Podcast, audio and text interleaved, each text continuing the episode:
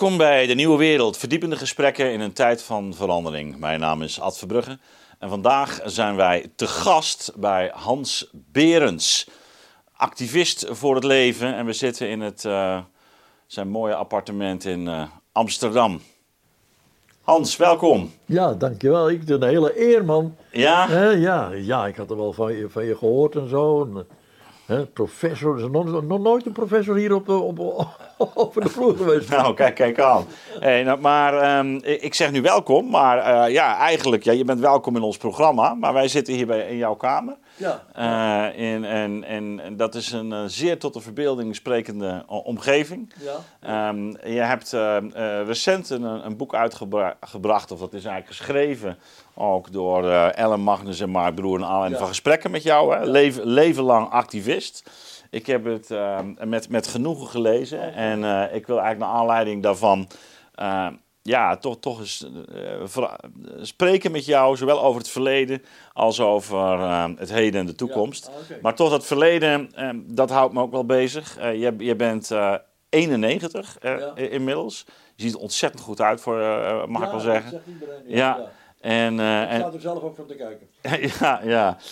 Um, leven lang activist. laten, we, laten we beginnen toch met, met, jou, met jouw nest. Um, want uh, je, je, beschrijft eigenlijk ook de, de, de, de, eerste levensjaren, jaren 30 en vervolgens de, de oorlog. Um, en je komt uit het katholiek milieu, hè? Ja, ja, ja. Hoe was dat? Nou, het, het was katholiek, maar het was ook tegelijkertijd, uh, nou laat ik zeggen, open katholicisme, progressief katholicisme. Mijn vader, die is dus in 1898 geboren, in Alkmaar. En die, die was wel gecharmeerd door dus de mystiek van het katholicisme. Ja, dat begreep die, ik. Die, die, dat dat was ook de connectie met, jou, uh, met, met jouw moeder, hè? Ja, ja, Ja. ja. later ook. Ja. Ja. Toen, uh, maar uh, laat ik zeggen, ook toen hij mijn moeder dus nog niet kende, als, als jongeling, uh, dat hij naar die kerk ging. En dus ja, die, die wierook en die, al die muziek en dan die mensen die naar voren liepen, en de communie, et cetera. Dat vond hij allemaal prachtig. Tegelijkertijd ergerde hij zich vrij snel aan de wat slaafsheid van het katholieke volk.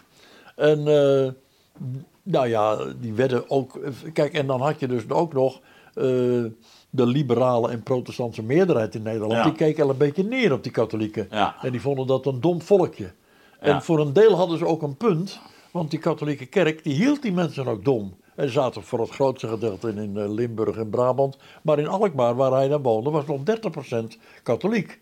Dus hij, erg, hij wilde dus eigenlijk dat, die, dat dat katholicisme, dat kwam langzamerhand stap voor stap, kwam dat dus duidelijker. Wilde hij een, een, een evenwaardige plaats geven Hmm. in de Nederlandse maatschappij. En zo kwam, nou ja, hij was al vrij vroeg van school af, want zijn moeder was ziek.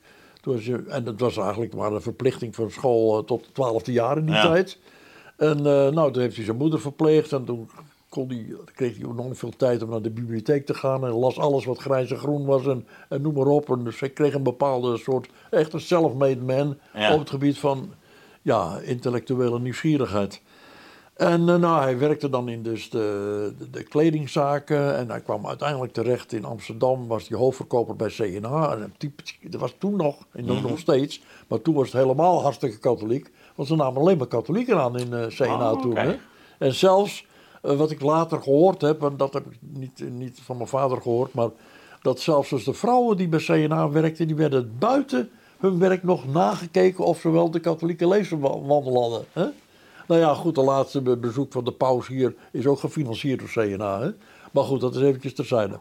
Enfin, hij, ja, hij verdiende toen redelijk voor die tijd. Dus daarom kon hij zich ook abonneren op bladen als Roeping en eh, de, eh, de gemeenschap, et cetera.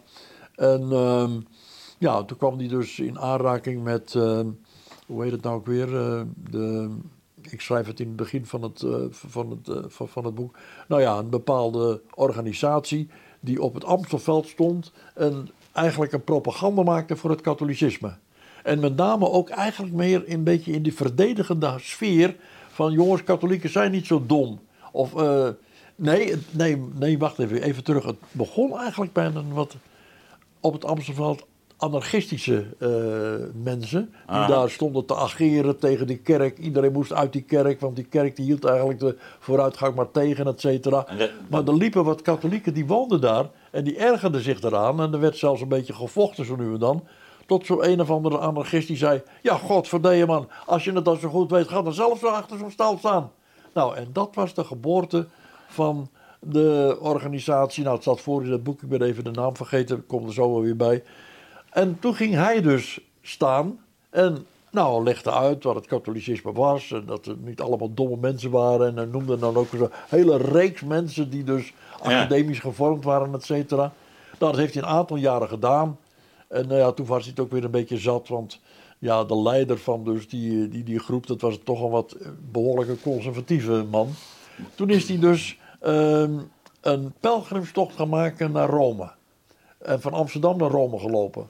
En wat hij daar in Italië ontdekte, dat was dus of het nou rijk, arm, eh, vrouw, man, boer, intellectueel of wat dan ook. Ze waren allemaal katholiek.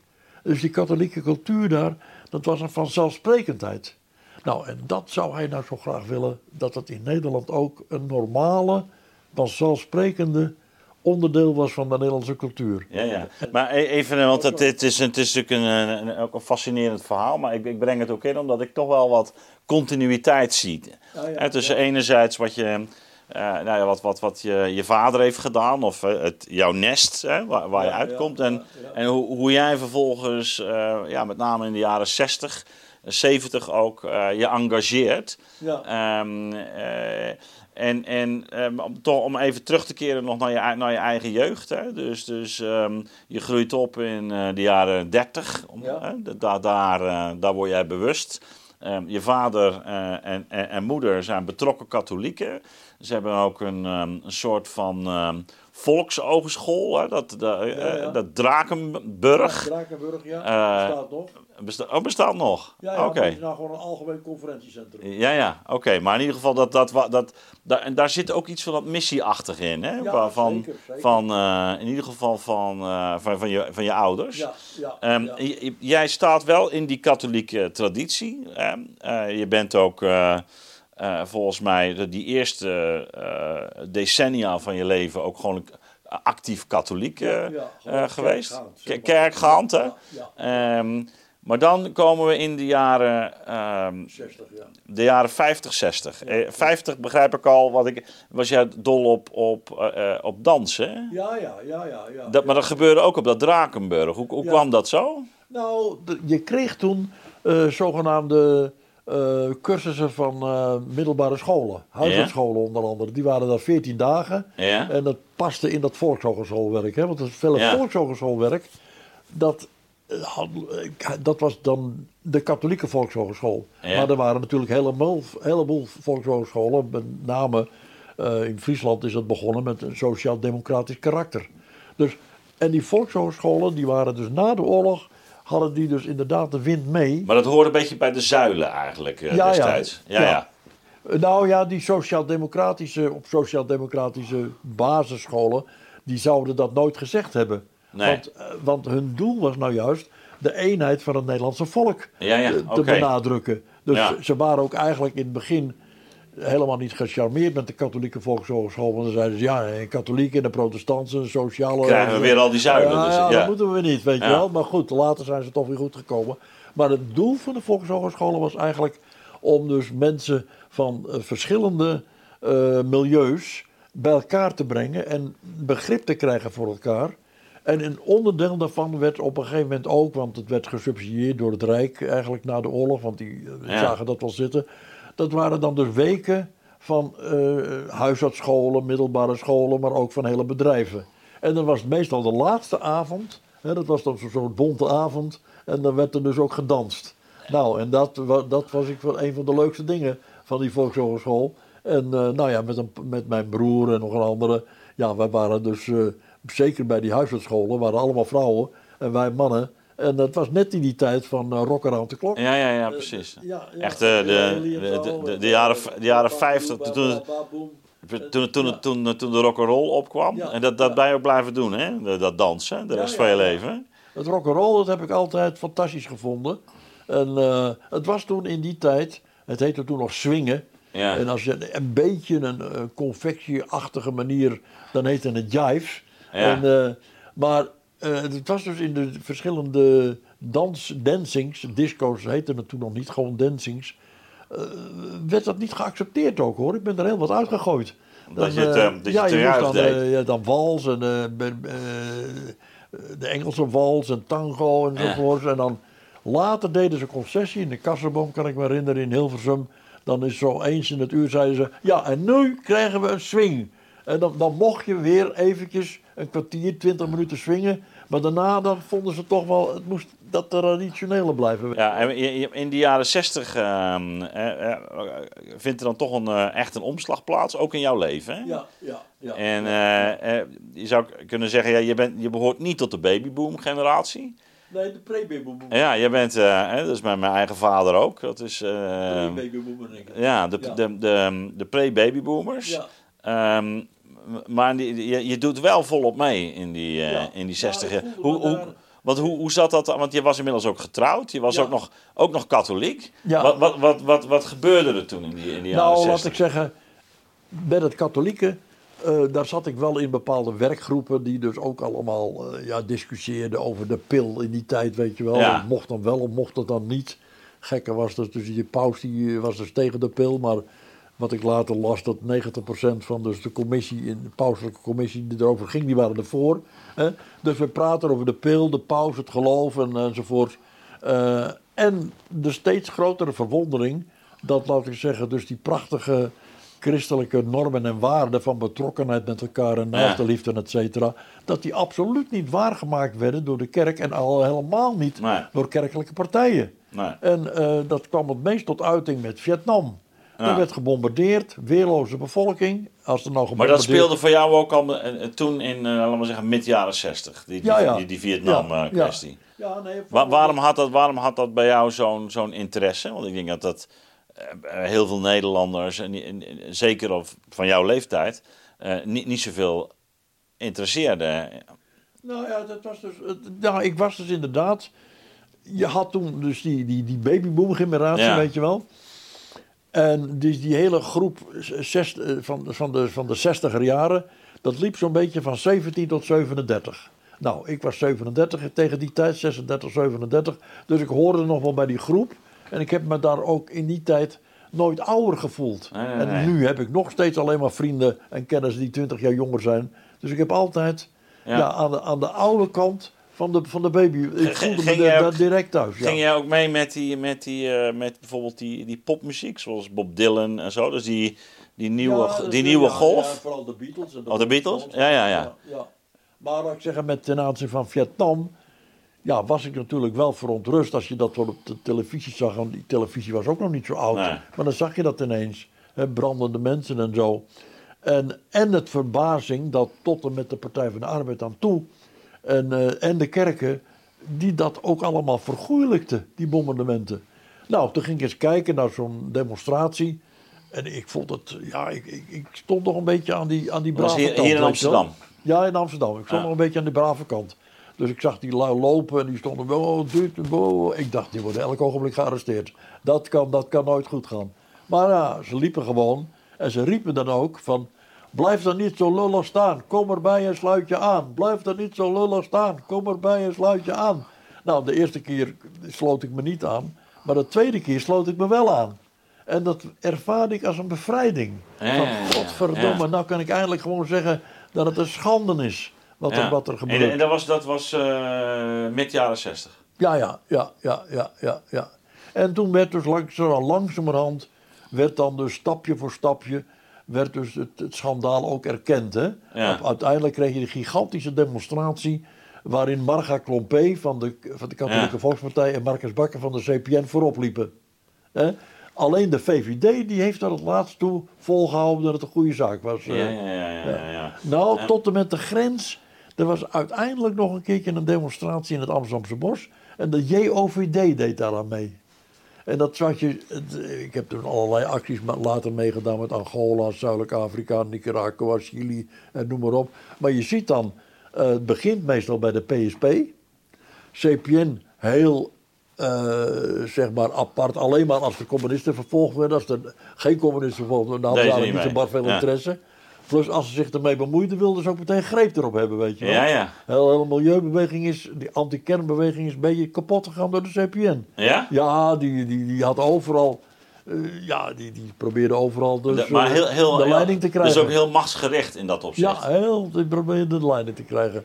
Kreeg je maffe ideeën van de kernenergie is fout, behalve in Rusland, want daar, daar kijken ze het beter naar en zo. nou ja, maar goed. Ehm, Maar, maar jij, jij zat toen, dus we hebben het over de jaren 60. Ehm, je, je was toen ook al begonnen met die wereldwinkel, toch? nee, nee, dat is, dat is later pas. Je had de jaren 60, toen kreeg je, dat is Vietnam. Maar wat nog veel meer indruk heeft op mij gemaakt, dat was begin jaren 60 de actie van de Novib, eten voor India. Ja. Het was gewoon een, een, een liefdadigheidsactie, zeg maar. Maar op de tv zag je dat er gigantische honger was in India. En iedereen gaf geld en ik gaf ook geld natuurlijk. ja 23 wa- wa- wanneer was dat, zei je? Nou, ik geloof 63 of Ja, oké, 64 of 63, zo, ja. 64, ja. Ja. Maar ik was vooral verbaasd. Want ik heb als kind, dus 12, 13 jaar, de hongerwinter meegemaakt. Ja. hè. En voor mij was dus honger gekoppeld aan oorlog en een bezettingsleger. Ja. En dat was daar in India helemaal het geval niet. Dus ja, hoe, kan, hoe kan het dan dat er honger is? Eh, 100 kilometer verder was er eten genoeg. Dus je kon er komen met een vrachtwagen, je kon er komen met een vliegtuig. Er was geen enkele belemmering, hè, want in de hongerwinter was er hier nog bevroren Ja. rivieren. Dus waren er nog een aantal redenen waarvoor je kon zeggen... nou ja, moffen hielden het ook nog tegen het eten. Maar, dus nou ja, toen ben ik dat gaan bestuderen... en toen kwam ik eigenlijk bij de rietsuikeractie. Ja, want jij, jij, jij bent naar een soort eh, tuinbouwschool gegaan. Ja, ja, bij Boskoop. Ja, Ja, ja. Ook bij Boskoop? Ja, tuinensectuur en sierteelt. Ja, ja, ja, Ja. precies. En, en daar heb je aanvankelijk dus eh, eigenlijk ook je, je, je, je brood mee verdiend. Ja, En toen eh, was je inmiddels, volgens mij was je op 43 43-jarige leeftijd bij, bij daarop gehouden. ja, ja, En- toen- en- ja, ja. En eindelijk eind jaren 60, toen had ik al, toen werd ik, nou ja, ten aanzien van Vietnam, Ja. et cetera, maar andere dingen, was mijn brave eh, burgerbestaan, die werd al geïnjecteerd door al dit soort berichten, waarin ik dus, ja, Want toch- hoe, hoe, hoe was dat? Hè? Want je, dus je komt dus uit het katholieke milieu. Je, je vader is ook daar binnen, binnen die beweging ook eh, actief geweest. Heeft, Ja. heeft daar zich ook hard voor gemaakt. Ja. En ook geloofd in, in laten we zeggen, de, een soort eh, sociaal katholicisme. Hè, waarbij je mensen uit verschillende lagen van de bevolking bij elkaar Ja. brengt. Zoals hij dat dan ook eh, ervaren had in, in, Ja. in, in Italië bijvoorbeeld. Ja, hè, tijdens die, die, eh, die pelgrimstocht. Ja. Ehm, eh, nou ja, jij groeit daarin op, in, in dat katholieke milieu. Misschien niet heel actief, maar gewoon wel. Toen, in, in, in, in de jaren zestig komt, er, komt er dan toch iets bij je binnen, zo stap voor stap. En, en is nou, zeg maar, die, dat, dat, dat, dat, ehm, ja, dat moment, eh, dat, wat, dat lees ik ook uit je boek. Het lijkt wel alsof het een soort eh, stap voor stap, eh, alsof je zeg maar die, die oude burgercultuur van die KVP, alsof je dat stap voor stap eh, loslaat of zo. Nou, dat, dat, dat, dat, dat is ook zo. ja. niet, niet, niet echt één moment alles weg, maar alsof, Nee, het, nee. alsof het afgestript wordt Ja. eigenlijk. Nou ja, dat is ook wel zo. Kijk, die katholieke emancipatie, waar mijn vader voor stond. Mijn vader is ook langzamerhand, ik heb een biografie geschreven over hem. Ja. Ook op het eind dat hij ook steeds meer twijfels had. En dan ging, ja, sloot hij zich aan bij Solidaridad. die dus, eh, die, die basisgemeenten, weet je Ja. die je dus toen had. Ehm, ja, het was natuurlijk. Hij was behalve dat hij de emancipatie van katholieken. leerden wij ook dat je betrokken moest zijn bij de Ja. wereld. Dat je dus niet voor geld. Eh, ja, je had wel geld nodig om eh, ja, brood op de plank te hebben. Maar dat was niet het belangrijkste. Het belangrijkste was dus dat je ja, betrokken was bij andere mensen, naast de liefde en et cetera.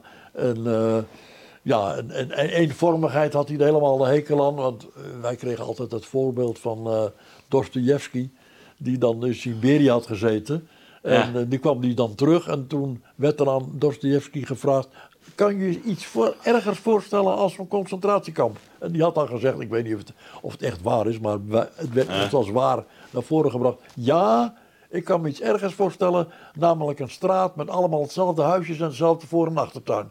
Nou ja, dat was van hem een, een schrikbeeld, weet je wel. Ja, ja, ja. ja, ja. Eh, Hij, die, die, die, eh, biografie die ik over hem geschreven heb, die heet dan ook eh, eh, Op de schoonheid van het aardsbestaan. Ja. Dat hij was zowel hemelgericht Ja. als aardsgericht. Dus wij leerden, ja, je moet betrokken zijn. En ook mijn broers, bijvoorbeeld mijn, oude, mijn broer vlak onder mij, die was kunstenaar. En die sloot zich aan bij de, Bond van Be- Beeldende Kunst, BVK. Be- Ja. Bond van Beeldende Kunstenaars. Maar hij is dus BVKA, Bond van Kunstenaars Arbeiders. En mijn andere broer, die ging Portugese deserteurs, eh, die dus helemaal niet welkom waren hier. Aha. Want als je uit Oost-Europa kwam, hoefde je helemaal geen verhaal te vertellen. Je, werd, je was meteen welkom. Maar was je een Portugese die, die niet in Angola wilde vechten, nou, dan, moest je, dan werd je meteen teruggestuurd. Dus die heeft heel veel van die Portugese deserteurs in een nachtrit naar, door Duitsland heen naar Denemarken gebracht. Nou, en mijn twee zusjes die waren zo'n beetje in de, eh, ja, rond- in par- par- PvdA-kringen. En een pleegzoon, die was uiteindelijk een keertje wethouder van D66 geworden. Dus iedereen die ging iets, iets doen op het gebied van maatschappelijke veranderingen. Ja, ja, ja. ja. ja dus, ja de, en dat, dat, dat zat natuurlijk ook in de, de katholieke, wat je net, net zelf ook eh, schetst, zat ook in de, in de katholieke eh, beweging zelf. Hè? Dus, dus je hebt Ja. ook die, wat heb je, die 8 mei eh, weer toen gehad. Hè? Ja, ja, Dus ja. ja Het ja, was denk ja. ik jaren 60 toch, hè? Met, ja, eh, je kreeg natuurlijk toen dus eh, van Johannes de 23 e ja, dat concilie, dat, eh, met eh, verwachtingen van verandering ook in, in de kerk. Ja, Dus, dus in die zin was die, was die geest ook al binnen die, eh, bij, dat, bij dat katholieke volksdeel aanwezig. ja. Zat bij je vader, jij, jij maakte er deel van uit, maar ehm, uite- uiteindelijk eh, ja, stap je daar dan toch uit. Dus Ja. op, op middelbare leeftijd eigenlijk. Ja, op een gegeven moment ging je dan dus.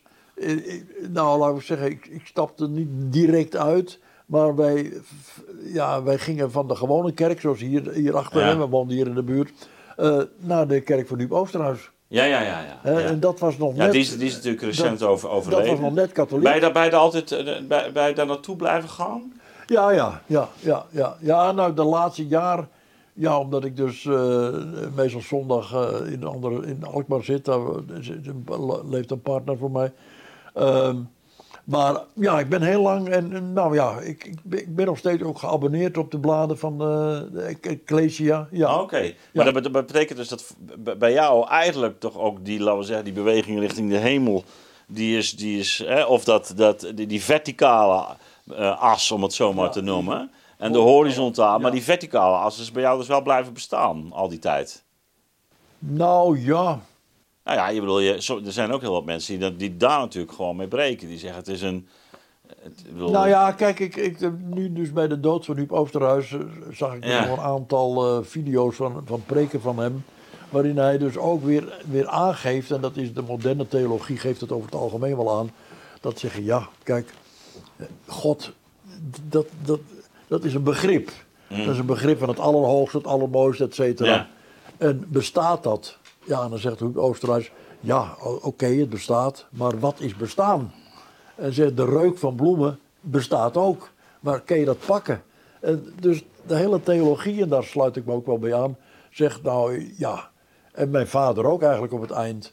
eh, de mystiek van het leven. ja. En het, het, het idee God, dat is een projectie, ja, wat Kuitert eigenlijk zegt. Hè? Ja. Alles wat Nou, dat, dit zei dus in de verlichting al, hè? Ja, dus ja. natuurlijk, hè? De, dus de, maar, de, de, maar, maar je bent in, in de praktijk, en da- en dat is wat, wat ik wel interessant vind, toch ergens nog wel ehm, die, die, die, die afkomst trouw gebleven. In de zin Ja, van ja, dat je dus ja, kennelijk nog kerkdiensten bijwoont. Of, of, Nou eh, ja, ik ging wel op Huub Oosterhuis en inderdaad, eh, omdat hij dus een soort strijdbaar christendom eh, propageert. Hè, van, Ja. Die zegt ook, eh, eh, ja, en er zijn er wel meerdere jesuiten die dat dus, die, die eigenlijk uit de orde waren ge- gestapt of uitgeduwd zelfs.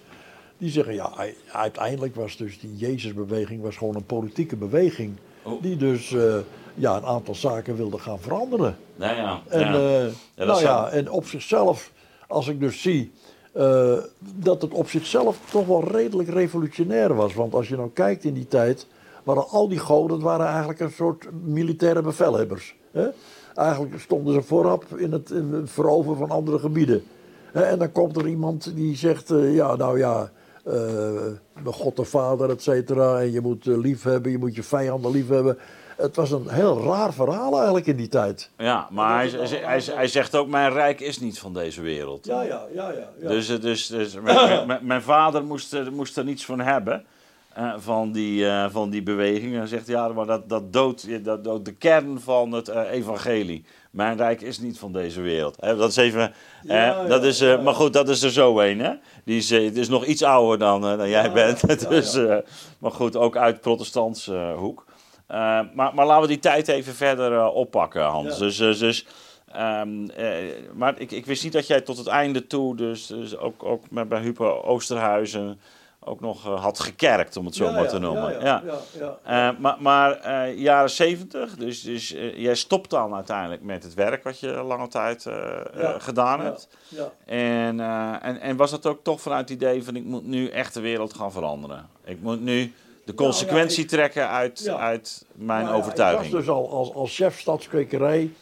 eh, kon, eh, had ik ook dus het beheer van alle bloembakken hier in de stad. Dus Ja. kon ik me permitteren om eruit te gaan en ergens anders gewoon allerlei notulen te gaan lezen van de wereldwinkels. Want ik was, zat al in het bestuur en eh, kranten te lezen, et cetera. Dus ik was al op een gegeven ogenblik, nou voor de helft van de tijd bezig met die Met die wereldwinkels. En nou ja, het enige wat ik zag dat er, ja, eh, dat er soms wel eens dingen gebeuren op die kwekerij. En ik denk, ja, jezus, als ik nou gewoon normaal gesproken oplettend was geweest, had ik Ah. dat kunnen voorkomen. Maar ik zat met mijn kop heel ergens anders. Ja, En laat ik zeggen, die wereldwinkels die groeiden tegen de klippen op. En er waren dus twee mensen eh, die werden aangesteld eh, met subsidie van het kabinet De Nuil. Dat kon toen in die Ja. tijd. Eén van die twee die had het na een jaar gezien, die, dat, dat klikte niet of zo. En toen ben ik gaan solliciteren. Ook nadat ik een, eh, nog een reis had gemaakt naar Kenia. En toen dacht ik van, nou ja, eh, als het dan inderdaad mogelijk is om gewoon een salaris eh, te krijgen daar, dan, dan solliciteer ik daar. Toen ben ik ook nog naar de Sociale Academie gaan, part-time. oké. Eigenlijk bij het idee. Nou, dat hoorde helemaal bij de tijd. Hè? De Sociale Academie, dat was toen volgens Ja, mij. precies, ja. En daar, daar was ook directeur Piet Rekman. En Oh, dat was de Horst. Ja, dat ja. was helemaal een linksbolwerk, weet je wel. Ja. Ja. En eh, ja, ik, ik ging eigenlijk naar die sociale academie met het idee van... ja, kijk, die subsidie van die wereldwinkels, dat is nog maar heel wankel. Want ja, je hoeft maar een kabinetsverschuiving te krijgen. Als we zeggen, nou stop er maar mee, weet je wel. En dan kan ik zeggen, ja, maar ik heb nu een heel ander beroep. Ik ben gewoon, ik ben geen tuinman, ik ben geen tuinman deskundige Ah, ja. meer. Ik ben nu welzijnswerker. Maar gelukkig hoeft dat het helemaal niet.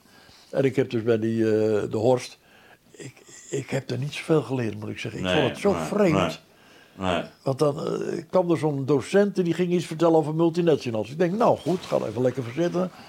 Wat hebben jullie allemaal meegemaakt met multinationals? Nou, de een vertelde over Albert Heijn en de ander over Shell. En dat heette Dat dan, was dan- concentrisch leren. Ah, ja, ja, College, dat ja, mocht niet. Het moest dan... Vanuit van onderop, ja. ja. Dat is een idee dat lange, dat tot de dag van vandaag bestaat, hoor. Dat dat is, een eh, slap gelul zeg. ja, en, toen dus- en toen iedereen praatte mee. Ja. En toen ik dat twee keer gezien had, toen dacht ik, nou ja, ik nam de notulen mee van de wereldwinkel. Ik zat er gewoon te lezen en zo nu en dan zei ik, nou ja, maar dat is nog maar de vraag hoor. En dan, en, dan, dan ging ik gewoon, dat ging is- gewoon door. Maar ik moest er nu en dan om de tien minuten iets zeggen. Nou, ik vraag me dat dus af. En dan ging het gewoon weer door. ja, dat was, je was in ieder geval kritisch, hè. Je was Ja, kritisch, ja. ja. ja. Maar Ehm, waarom dat daar zo was, ik vond dat zo raar eigenlijk. Dat hij concentrisch leren noemde ze ja, ja, ja, nee, Is maar dat, dat, is dat, nou nog? Nee, toch? Ja, ja, ja nee. Er zijn nog steeds vergelijkbare onderwijsmodellen. En dat is een Ja, ja. verklaring, eh, denk ik, of althans een deel van de verklaring van de huidige malaise. Eh, dat, dat, eh, ook wanneer je competenties ontwikkelt, en dat doe je dan in groepsverband.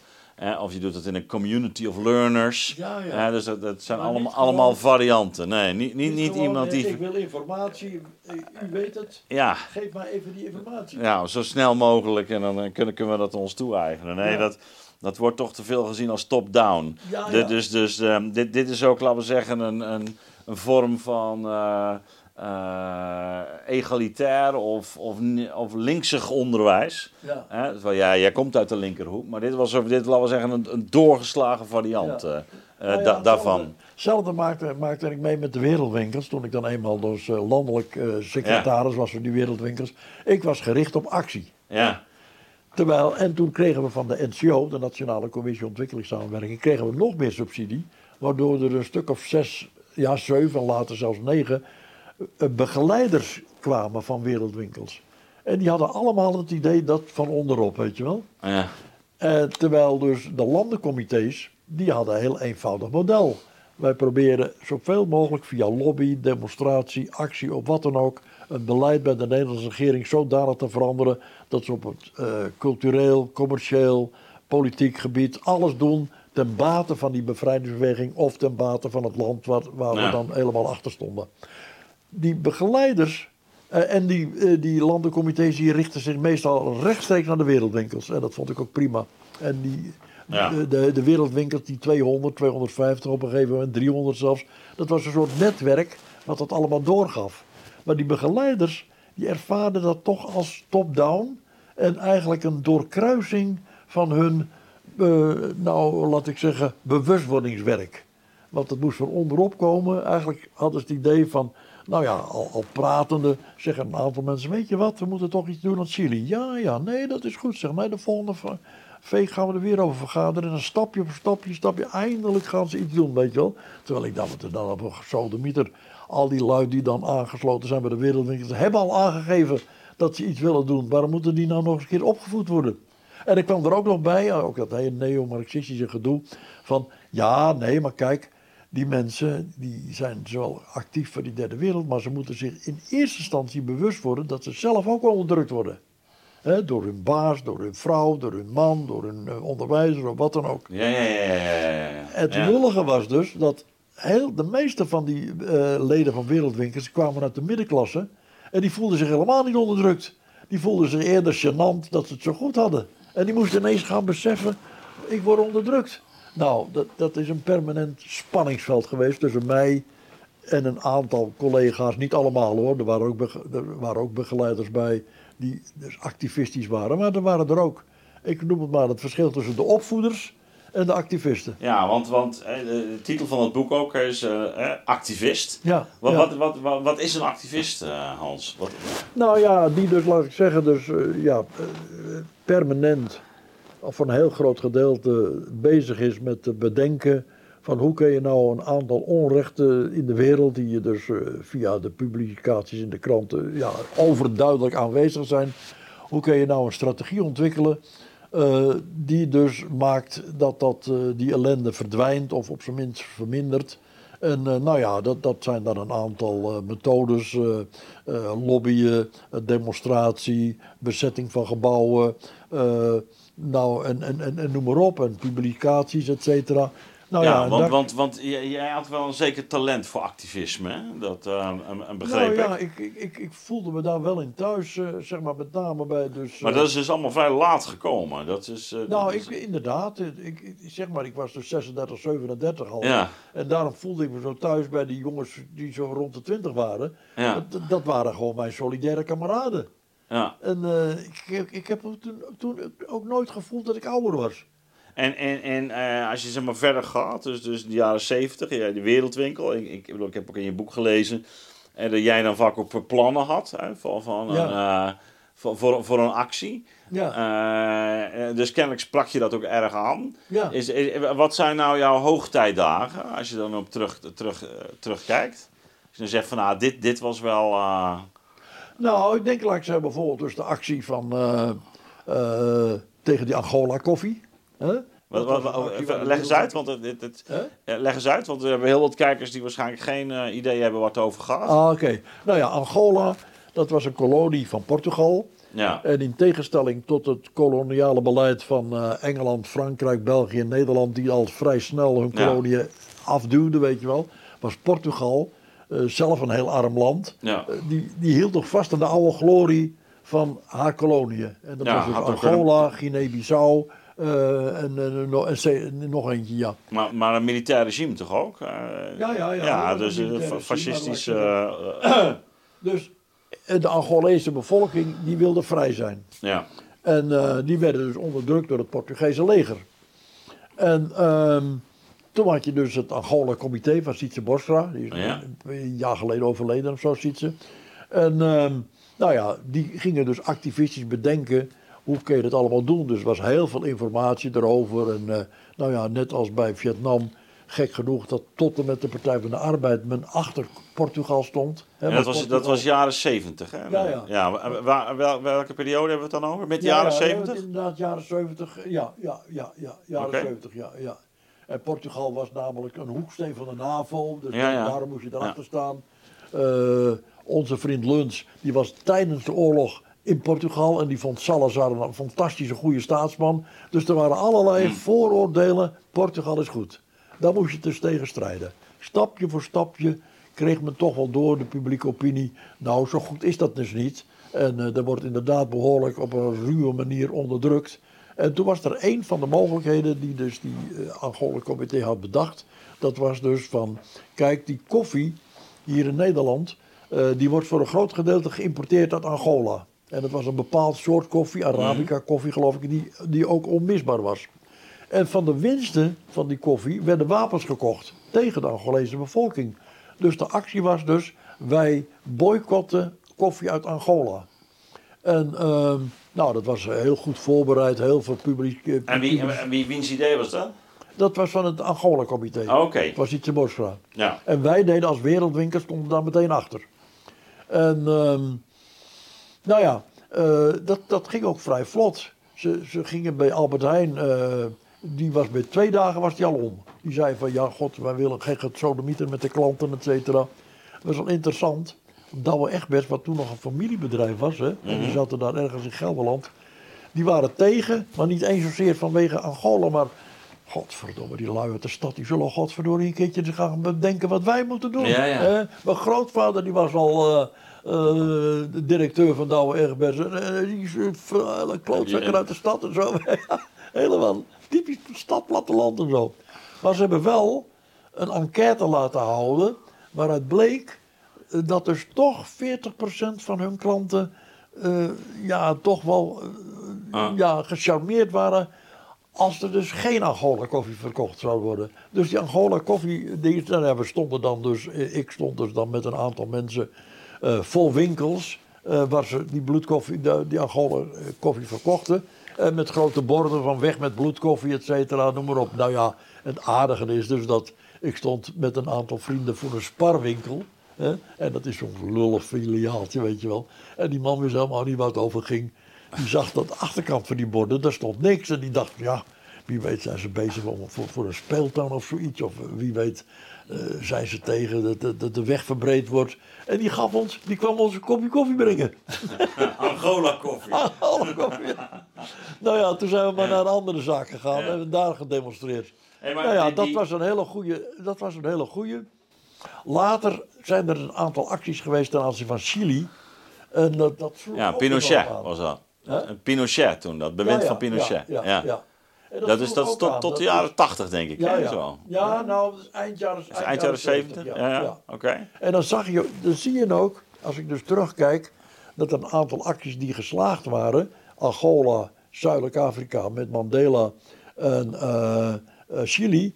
Dat de Nederlandse bevolking van zeg maar gematigd rechts tot en met links te mobiliseren is. Als er dus sprake is van een duidelijke onderdrukking van de vrije meningsuiting. En een duidelijke onderdrukking. Mensen worden gevangen genomen, gemarteld, omdat ze alleen maar het woord voerden. Eh, In Brazilië bijvoorbeeld, eh, nou, daar is een bepaalde acties voor geweest. Totdat Bra- Brazilië, en er waren, dat ging op voor meer Latijns-Amerikaanse landen, formeel een parlementaire democratie hadden. Tegelijkertijd was er even goed op wel honger, in Noordoost-Brazilië bijvoorbeeld. En dan zijn de Nederlandse bevolking niet zo te mobiliseren. Dan denken ze zoiets van, ja, nog, ja nou, nou hebben jullie een parlementaire democratie, dus je kan kiezen. Dus, dus ja, wat moeten wij er nou nog mee? Dan heb je het toch zelf in de hand. Dan is het, ja, of je krijgt zo'n liefdadigheidsactie, hè, voor één voor Afrika of wat dan ook. En dan zonder dat er echt structurele veranderingen komen. Maar Oké, maar, maar, maar dat is dus dat is interessant. Dus jij zegt op het moment dat, dat die, eigenlijk die vrijheid van meningsuiting, als dat in het geding komt, dan ja, dan is, het, is de Nederlandse regering, of nee, de, Nederlandse bevolking. de regering, maar de publieke opinie, die is dan daar wel op te mobiliseren, ja.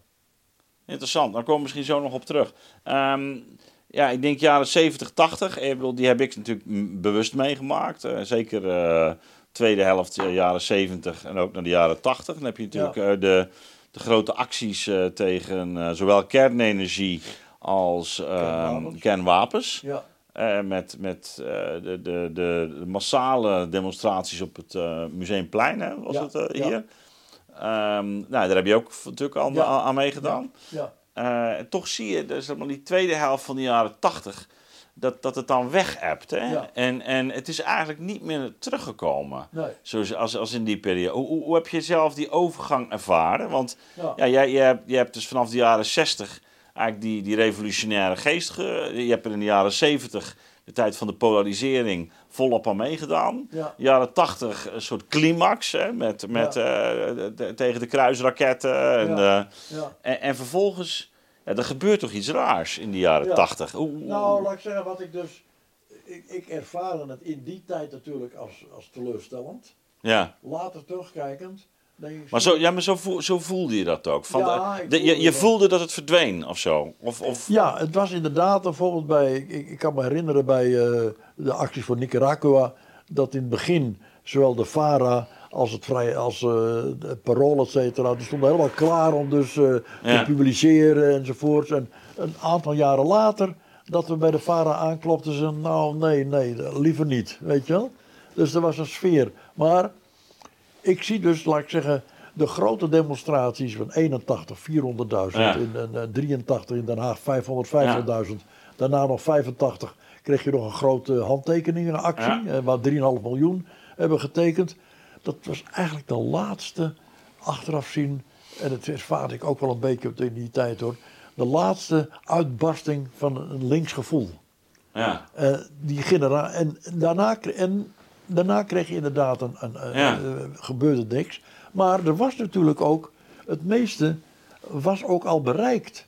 Wat dus zeg maar dat, eh, dat hele netwerk Ja. van wereldwinkels zich druk maakte over terugkeer van de democratie in Latijns-Amerika. Ja. Einde van de apartheid in Zuidelijk Afrika. Ja. Dekolonisatie van de- Angola, nog een aantal. Al die dingen waren, die, die waren gebeurd. Nou, Afrika moest nog even, hè, dat gebeurde uiteindelijk, was toch jaren eh, Ja, 92 of zo geloof ik. Ja, Maar, maar goed, je kan zeggen, het, het proces was wel op, was, was wel op gang gekomen. ja, Ehm, maar ja, het is ook wat wij noemen, hè, dus de, de, opkomst van het neoliberalisme. Waar natuurlijk een, een behoorlijk deel van, eh, ook van die generatie de jaren 60, ook die, die, die omslag eh, maakt. Ja, ja. Heb, je, heb je dat in je omgeving ook gezien? Ja, inderdaad. eh, wa- wat je dus zag. Ja, kijk, bij Zuidelijk Afrika zeg je nou, dat was pas in de jaren negentig, maar het, dat klopt.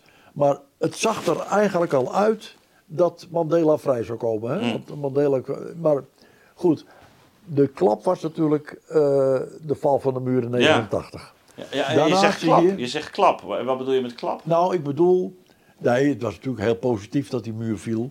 Maar toen kon je ook ontdekken dat dus eh, de hele verzorgingsmaatschappij en al dus die dingen een, voor, een, voor een deel ook een politiek was om dus ervoor te zorgen dat de mensen tevreden waren. Ja. En de, de angst van, ja, maar als ze ontevreden zijn, dan worden ze misschien communistisch. Als, als, ik, als, ik, als ik nou terug ga naar mijn eigen jeugd. Hè? Dus Ja. ik, eh, begin jaren eh, 80 eh, zat ik op het Zelderus College. Daar eh, had ik een leraar Duits, een eh Verpoorten. Goede leraar Duits hoor. Maar die, die, die, die, eh, die komt echt uit die studentenbeweging. Dat was echt een linkse leraar. ja, ja. Ik had ook regelmatig aanvaardingen met hem, want eh, da- dat was ik niet. Hè.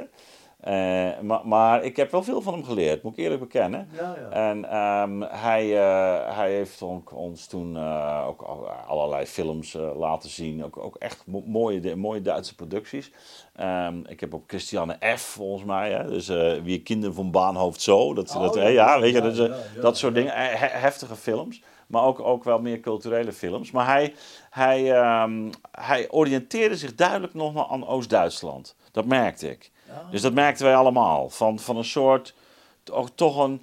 En is het nou zo, omdat, omdat jij dus die notie klap laat vallen... is het toch ook een soort van desillusie...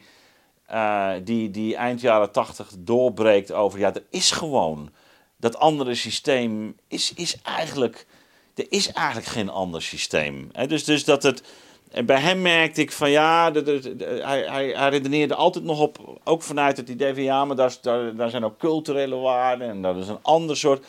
dat dat eigenlijk, dat ook die, die, die, dat alternatieve economische systeem zoals we dat in het Oostblok, ja, in toenemende mate kwamen natuurlijk ook de gruwelen naar buiten. Die, was het ook dat, heeft dat het ook versneld? Dat, dat je zegt van ja, we- Nou, er was inderdaad een, een, vanuit links, Ja, en dus laat ik zeggen niet communistisch links, hè, Ja. was er een haat-liefde verhouding ten aanzien van eh, Oost-Europa. ja, dat is ambivalent hè? Ja, er was zoiets van, eh, nou ja, ik was wat ouder, dus het anticommunisme zat bij mij erin, weet je wel. Dat was bij ons thuis Ja, bij je vader was dat ja, een die behoorlijk... waren niet zo fel nee. anticommunistisch, maar ja, hij keek er eigenlijk een beetje op neer. Zo van een beetje verdwaalde mensen en zo, weet Ja. je wel. Dus, en, en ik moet zeggen, ik, ik, ik wist, ik was ervan overtuigd dat Siberië bestond.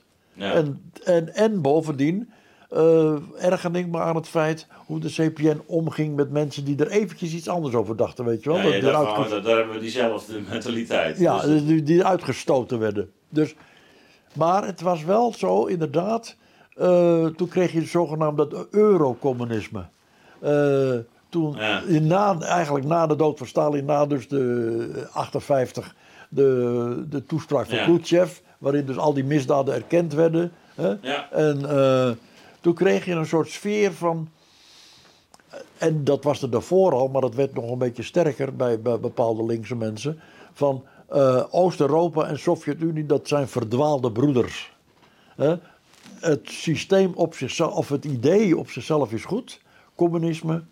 Maar ja, er zijn allerlei dingen fout gegaan. En, maar in- Ja. per definitie zou het beter kunnen gaan worden. En dat was zeker ten aanzien van Oost-Duitsland.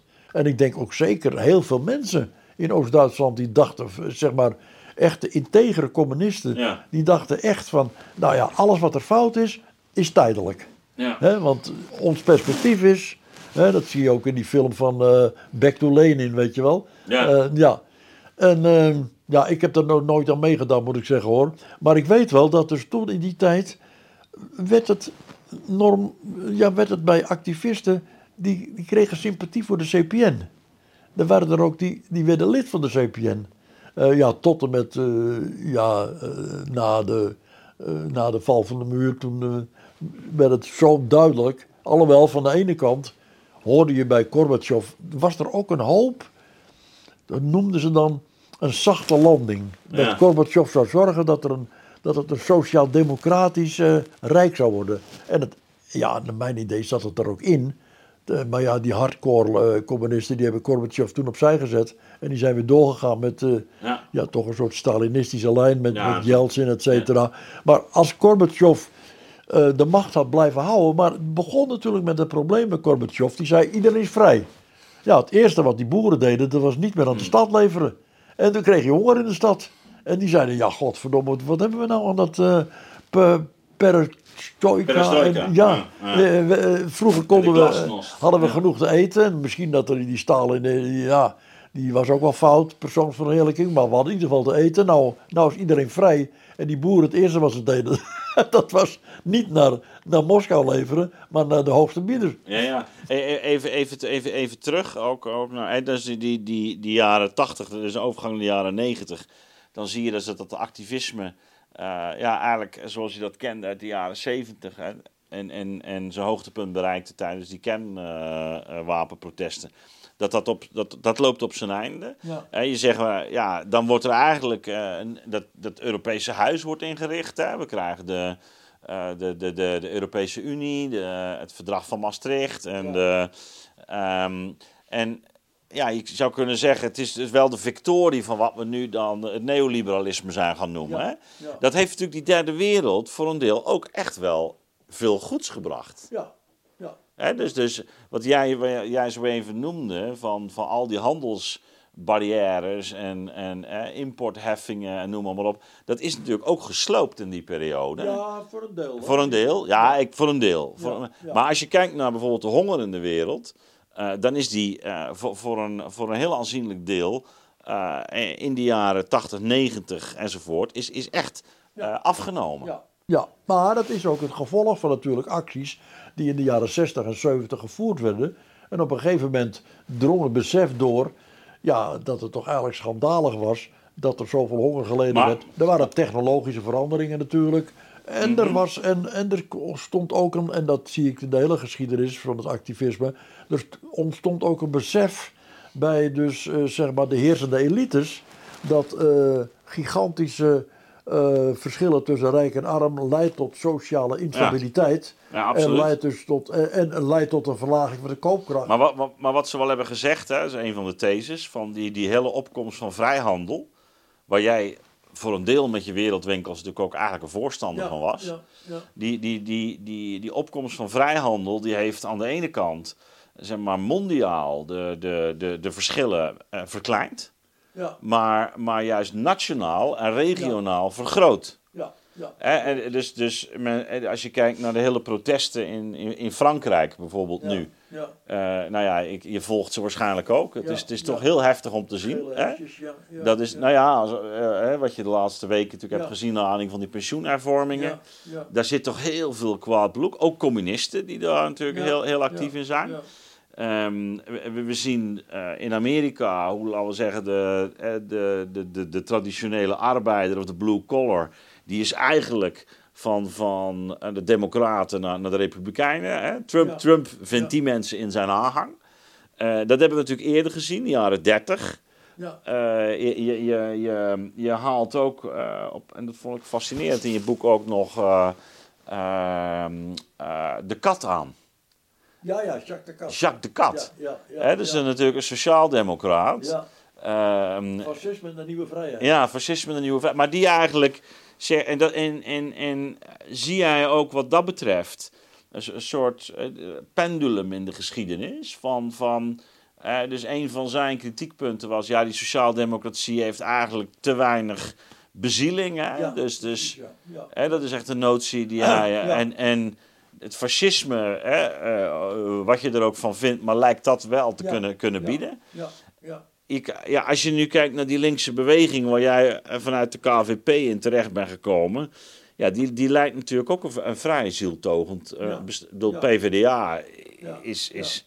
Hoe, dus hoe kijk je nu naar, laten we zeggen, die, terugkijkend, hè, nu je nu Ja, ja. 91 bent, nu, Nou nu- naar, die er, naar die erfenis? Ik, ik, zie, ik, zie dus, ik zie dus eigenlijk van eh, dat er dus een. ehm, eh, eigenlijk zie ik dus dat er dus een morele evolutie is in de hele geschiedenis. Zeg maar vanaf even het jaar nul eh, bekijkend. Nou, toename van eh, respect voor de mensenrechten. eh, Toename voor eh, gelijkwaardigheid, rechtvaardigheid, et cetera. Wat om de 70 à 80 jaar doorbroken wordt door dus een terugval naar het recht van de sterkste. Hè, wat je Nou ja, dat- maar dat is in de 20e eeuw is dat wel een behoorlijke terugval geweest dan. Hè? Ik bedoel, Ja, dat, nee, dat hebben we nooit, eerder, nooit eerder vertoond. Nee, dan zie je dus bij Hitler. Ja. Dat er inderdaad een terugval is naar het recht van de sterkste. En ehm, dat is een van de redenen ook voor de jodenvervolging. Want daar worden zijn al hele boeken over geschreven. Maar een van de meest, eh, naar mij geloofwaardige eh, opinies daarover... is dus dat hij die joden wilde vernietigen. Omdat die dus de wortel waren van een, een moreel bewustzijn. Die waren dus eigenlijk eh, zeg maar, eh, de voedingsbodem van het christendom, et cetera. En wat hij wilde, dat was terug naar de moraal van Genghis Khan. Dat je gewoon eh, eh, toegestaan wordt om andere volkeren te vernietigen. En dat je niet eh, ja, tegengehouden wordt door een moraal. Hij vond dus zelfs, hij heeft zelfs een van, een, van dus die boeken over, over Hitler. daarin ergerde hij zich op het laatst over SS'ers. Die wel mannen en vrouwen doodschoten, maar die dus aarzelden bij het kinderen doodschieten. Dan zei hij, godverdorie, nog, toen nog steeds die christelijke moraal die erin zit. En nou ja, dat is wat je, wat je dan een terugval krijgt naar het, je, je, je kan zeggen, het absoluut dierlijke. Van alleen maar eh, onze eigen stam, onze eigen groep, onze eigen ras. Eh, en dat heb je dus nou bij Poetin weer precies hetzelfde.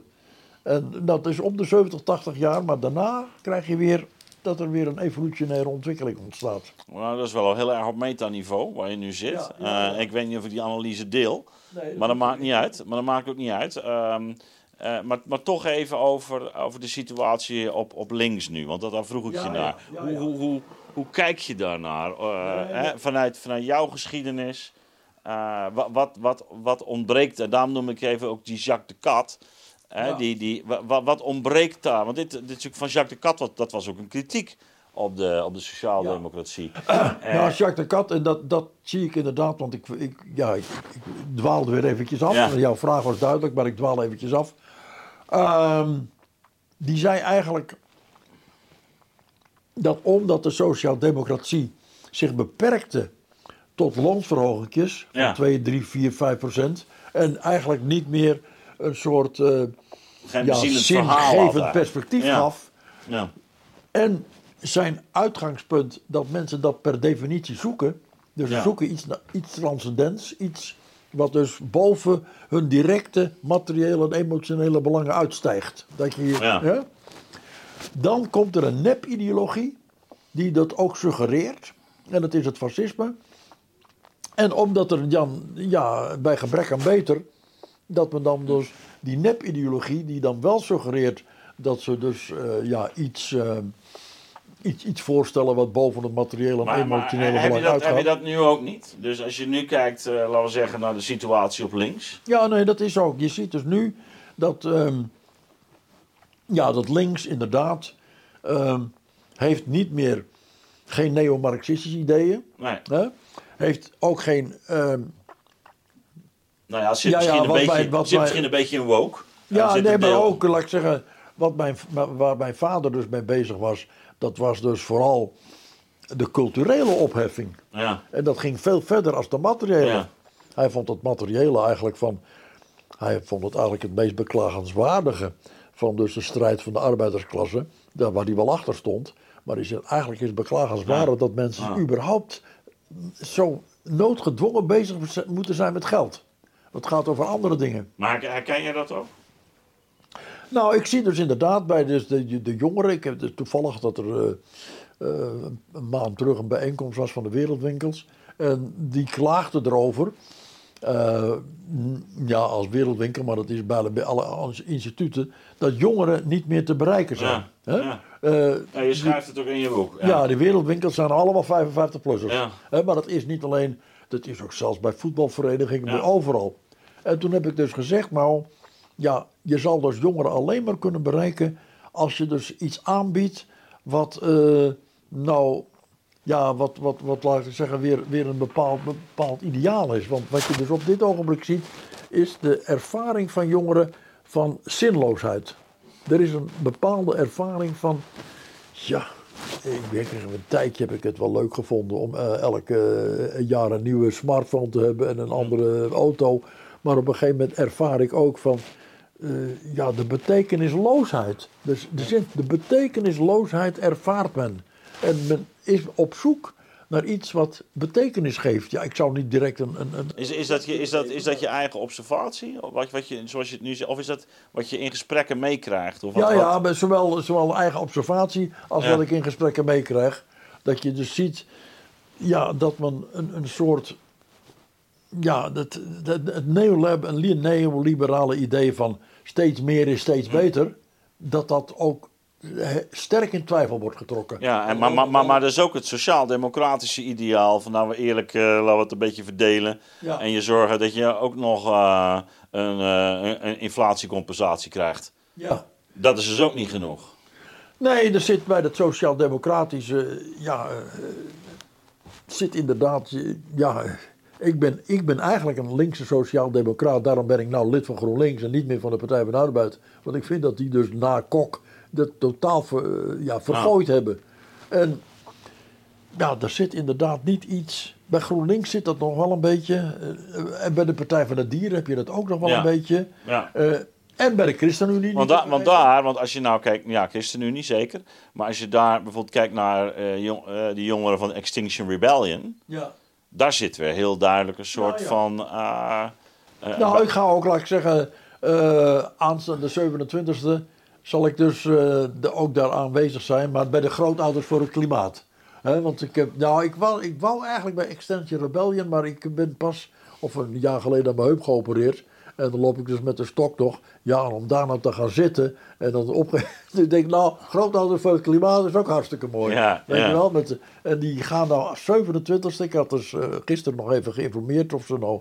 Zeggen, nou, de 27e verzamelen we ons op het Centraal Station in Den Haag. En beginnen te zingen om half twaalf rond de piano daar. De centrale Ja, ja, ja, dinges. En dan gaan we met optocht gaan we dus de, de bezetters eh, toejuichen. Ja, ja, ja. ja. Ah, eh, afsluitend, Hans. ehm, Dus ik vind het hele klimaat, ja. ik, ik vind dat inderdaad, eh, dat biedt in zoverre perspectief dat iedere jongere van 20 jaar die een normaal verstand heeft, en dat zijn toch wel 98%, die weet als ik 40 ben, dan heb ik een gezin en dan heb ik een carrière en dan zit ik met een gigantisch probleem. Al, is maar, al, al zou maar de helft waar zijn van wat de internationale deskundigen op het gebied van klimaat zeggen, dan zit ik met mijn 40ste met een gigantisch probleem. En dat maakt dus dat ze zich to- toch actief zijn op dat gebied. Ehm, je, je, je eindigt je boek met een, eh, een aantal eh, aanbevelingen hè, eh, over het activisme. Nou zie je tegenwoordig dat er nogal, ook, ook nogal, laten we zeggen, aanstootgevende vormen van actievoeren plaatsvinden. Ehm, eh, ook wel soms door ehm, de, de, de, Extinction Rebellion Club. Ehm, wa- wa- wat, wat, wat is er in- jouw ogen belangrijk om in de gaten te blijven houden wanneer je. eh, kun je een paar van die tips meegeven? Je zegt van nou, daar moet je wel eh omdenken als je actie voert. Ja, nou, ik heb dus een, een, een column daarover geschreven. Over de relatie tussen, dus, eh, zeg maar, zeer radicale acties en Ja. publiekvriendelijke acties. Ja. En elke ongenoegen wat er bestaat over het klimaat, over de vrouwenonderdrukking, over buitenlanders of wat dan ook, begint met een radicale actie. Ja. En dat zet je dingen op de agenda. Maar dat, en dat, is, dat, dat kan dus inderdaad ook zijn een, een, een schilderij ondersmeren met pindakaas. Nou ja, toevallig dat ik daar dus, eh, dat ik daar dus niet achter stond. Eh, Maar uit ik actie- ook niet. Waarom uit- niet? Waarom? Nou, ik ben uit- benieuwd wel voor uit, jou. Uit actiestrategische overwegingen. Want eh, schilderijen hebben nog zo'n imago van... Ja, dat is onaantastbaar, daar moet je niet aankomen. Dat is, dat is Daar- echt cultuurgoed wat, wat niet commercieel is of zo. daar- Of Daar wat- mobiliseer je mensen niet op. Want ik heb dus... En vlak daarna... eh, want toen ik dus... Ik heb daar dus eh, bewust een column geschreven waar ik dus afstand aan vernam. Omdat ik dat echt onzin vond. Eh, en toen heb ik de, een paar weken daarna een column geschreven van... Er waren mensen die dus daarop reageerden van... Ja, maar je moet toch wat, et cetera. En ik zeg nou, en nu zie je wat er dan wel kan. En dat was namelijk de actie van Extension Rebellion bij het Bij blokkeren... Nee, het blokkeren van die vliegtuigen. Oh ja. Blokkeren Ja. van die privévliegtuigen. Ja, ja, waar ook voor, grootouders voor het klimaat waren. Nou, dat slaat aan. Privé, jetset, weet je wel, eh, Ja. CO2-uitstoot. Maar die schilderijen, dat mobiliseer je mensen niet mee. Dan krijg je meer weerstand. Dus als je een radicale actie voert, dan moet je iets doen wat ieder geval niet een enorme weerstand oproept. Dat mag wel een beetje weerstand oproepen, want Ja. het moet uiteindelijk op die agenda. Maar het moet niet zoveel weerstand zijn dat mensen meteen zeggen: ja, zo de wiet erop zegt dat. eh, Ja. Nee. Ja. Dus het, radicale, en ik heb dat eh, meegemaakt bij de Vietnam-acties. De eerste Vietnam-acties die waren nog in de tijd dat demonstreren nog verboden was zelfs. Hè? En eh, toen kreeg je dus ja, eh, eh, geroep en geschreeuw en politiegetten die erachteraan holden, et cetera. En het leuke was dus dat men op een gegeven moment eh, ja, jur- juridisch ging nagaan, wat, wat is nou eigenlijk een demonstratie? En toen werd er gezegd, ja, een demonstratie, dat is een groep mensen die naar een bepaald iets toeloopt in de verwachting dat ze daar iets gaan beleven. En toen werd er een jurist die zegt, oh, maar als je elke zondag zie ik een hele groep mensen die naar Naar het voetbalstadion gaan. gaan. Oh, voetbal, en, ja, ja, en die dus helemaal in de, in de band zijn, van we gaan iets beleven. Nou, toen kon men het niet langer volhouden en toen is die demonstraties zijn dus eh, toegestaan. Hè? maar je kreeg hele radicale groepen. En toen kwam dus Piet Nak en eh, nog een of andere dominee. eh, die zeiden, oké, jullie hebben wel een punt, maar de wijze waarop staat ons niet aan. En dan krijg je publieksvriendelijke acties. En we hebben zelfs toen, ze hebben zelfs toen een, een, een, iemand, een, een deskundige uit Amerika gehaald van de kwekers. Oh ja. En eh, die de heel, eh, eh, heel, ja, heel, heel deskundig was op, op, op actie, ook heel actiestrategisch bekeek. En inderdaad, die grotere acties, van Pinak en hoe heet die, die dominee ook weer. Nou ja, eh, nou, die hebben een gigantische hoeveelheid mensen gingen daar, daarachter staan. En, nou, en dat zie je dus elke keer. Nou, bijvoorbeeld met die, die boeren, precies hetzelfde. Niet dat ik achter dus de, de ideeën sta van die boeren, maar als ik de actie strategisch bekijk, was dus de eerste acties die ze deden met al die tractoren. Daar kwam 60% van de mensen hadden er wel sympathie voor. Ja. Waarom? Omdat iedereen is op, in Nederland opgevoed met leuke kinderboekjes van Geitje Bij en eh, een kippetje Ja. Kukeleku. Dus wij hebben een romantisch idee van de boerderij. Totdat dus die boeren asbest gingen gooien op de dingen en eh strobalen in de fik stoken. Toen was het gelijk afgelopen met... eh, Dat hebben ze ook niet meer gedaan, hè? Zijn ze, zijn ze weer, toen hadden ze door dat dat moeten we niet doen. Nee, dat was het gelijk afgelopen. Ja. En, eh, en nou krijg je een, nou ja, mevrouw, eh, hoe heet ze weer, van der Laan? of zo. Caroline, Ja, Caroline nou, van der Plas. ja, is actiestrategisch pakt die het heel slim aan. Ja, Die, eh, zeggen, ja. die doet het breed, die wil ook wel concessies doen. of ze het werkelijk wil doen, weet ik niet, maar in haar bewoordingen. Dus ja ik, ik- ja, ik sta er nog steeds niet achter wat zij dus wil. Maar als ik actie strategisch bekijk, denk ik, ja, dat is de lijn. Radicaal. ja. en, en laat ik zeggen, jullie hebben een punt, maar we gaan het nou publiekvriendelijk doen. En, en dan heeft het effect. Eh, afsluitend, dus, dus, eh, dus het, het soort actie. Ook, ook, eh, eh, in je boek lees ik ook dat dat humor heel belangrijk is. Nou, dat is ook zo. Ik heb zelf. eh, Je, je, je verwijst eigenlijk al eerst naar, naar de Provo. Hè? Dus, dus de, Ja. daar, hè, dat je daar kennelijk ook wel een soort affiniteit mee had. Maar nou ja, het eindigt er ook mee. Een Hè? boek, een, een- Ja, Roel een van Duin. Ja, Roel precies. Van Duin. Ja. Ja, maar, maar je eindigt er ook mee in, in, Nou. in je aanbevelingen. Wat, wat, is, wat is volgens jou dan het belang van humor? Nou, ik weet wel toen ik eh, zo'n jaar of tien bij de Wereldwinkels was. Toen ervaarde ik inderdaad wel dat dus de, de, de, de acties van Wereldwinkels en van allerlei actiegroepen. eh, toch een, vaak een wat zuur karakter hadden. Ja. En een beetje moralistisch karakter. Ja. Want jij bent fout. hè. Ja. En mensen zeggen, ja, sodemieter erop en de gesodemieter. Ik betaal mijn belasting, ik ben goed voor mijn vrouw en kinderen. Dus wat zeuren jullie nou, weet je wel? Dus en toen ben ik dus ook met een, een theatervrouw, eh, eh, nou laat ik zeggen, creatieve weekends gaan organiseren. Waarin ik mensen dus leerde van hoe ze dus op een creatieve wijze eh, dingen dus aan de orde kunnen brengen. En eh, nou, bijvoorbeeld, eh, en ik was trouwens niet, ik, ik, ik, ik, nam ook weer een voorbeeld aan andere groepen. En je had toen door zogenaamd onzichtbaar theater. hè. Dat er dus een, laat ik zeggen, de actie tegen vlees wat vol met hormonen zit. Er is een vrouw, dat is een toneelspeelster, maar dat weten ze niet. Die komt in, die, in zo'n warenhuis en die zegt: eh, Meneer de slager, hoeveel hormo- hormonen zitten hierin? Nou, ik "Ah, eh, helemaal niks, weet je wel. Er komt een meneer bij, ook een theaterman, die zegt: Nou, mevrouw, ja, u bent die verwachting, ik zou dat vlees helemaal niet nemen hoor. En eh, nou ja, er ontstaat dan een hele discussie. Gewoon mensen eromheen die denken: Goh, wat is het, eh, waar zijn ze nou over aan het lullen? Op een gegeven moment gaan die theatermensen die trekken zich terug en er ontstaat een enorme discussie. Ja, ja, ja. ja, Ja. ja, ja. Nou ja, en. Dat, soort, dat soort dingen, dat heb ik dus, ehm daar ben ik zelf nog, ja, we hebben toen nog gedaan de Super Freedom Coffee Show. Dat heb ik zelf ontwikkeld. Dat was dus, eh, was dus de opkomst van die Max Havelaar koffie. Dat noemde be, bevrijdingskoffie. En dan sta ik daar. En een heel groot dingers. Een eh, scherm met allemaal lichtjes, et cetera. En dan midden op de, op de weg zetten we die op. En dan werd er dus allemaal gratis koffie uitgedeeld. En dan zei dus de, eh, de regisseur die erachter stond... Jan, hier is Hans Biddens. En dan zei ah, kijk eens eventjes aan, wat is dat allemaal leuk zeg. Ik zie allemaal hartstikke blije gezichten. Dat zijn natuurlijk mensen die bevrijdingskoffie hebben gedronken. Maar ik zie hier en daar nog een zagrijnig gezicht. Ja, dat zijn natuurlijk mensen die nog steeds verslaafd zijn aan de Douwe koffie. En maar wij, eh, ja, u, denkt natuurlijk bij jezelf, ja, die man die lult ook maar een eind weg. Maar wij hebben zelf een proef genomen om dus kijken hoe dus onze bevrijdingskoffie werkelijk inspirerend werkt. En u denkt natuurlijk, ja, ja, dan vraag je dan de ene, vraag je dan wel. Nee, een een-eiige tweeling.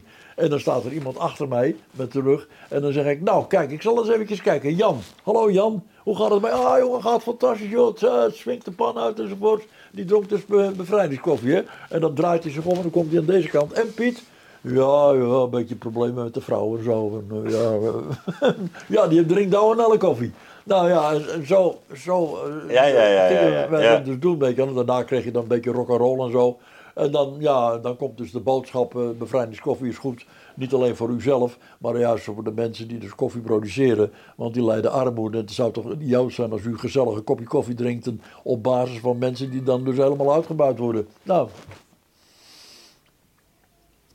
En dat soort dingen, dat werkt dan meer, eh, meer als dan, laat ik zeggen, dat moralistische verhaal van, eh, ja, jij bent Ja. fout. Ja. Weet je wel? Ja, mooi. Ehm, ja, Hans, eh, we, we kunnen nog wel even doorgaan eh, volgens mij. Maar ehm, dit was eh, de nieuwe wereld op bezoek. En we proberen het inderdaad binnen, binnen de perken te houden. Ik wil jou in ieder geval van harte danken voor een, voor een mooi gesprek. En, en ik wens je nog vele jaren in goede gezondheid en rock'n'roll eh toe. Ja. En, en, en, en wie weet, met nog een paar goede ludieke acties ook. Ja. Nou ja, en ik wil jou ook hartstikke bedanken. Ik vond het al een hele eer dat je met zo'n programma en eh, toch een, een, een naam als eh, vernieuwer, et cetera, filosoof op deze eenvoudige woning komt om mij te interviewen. Nou. Dus hartstikke bedankt.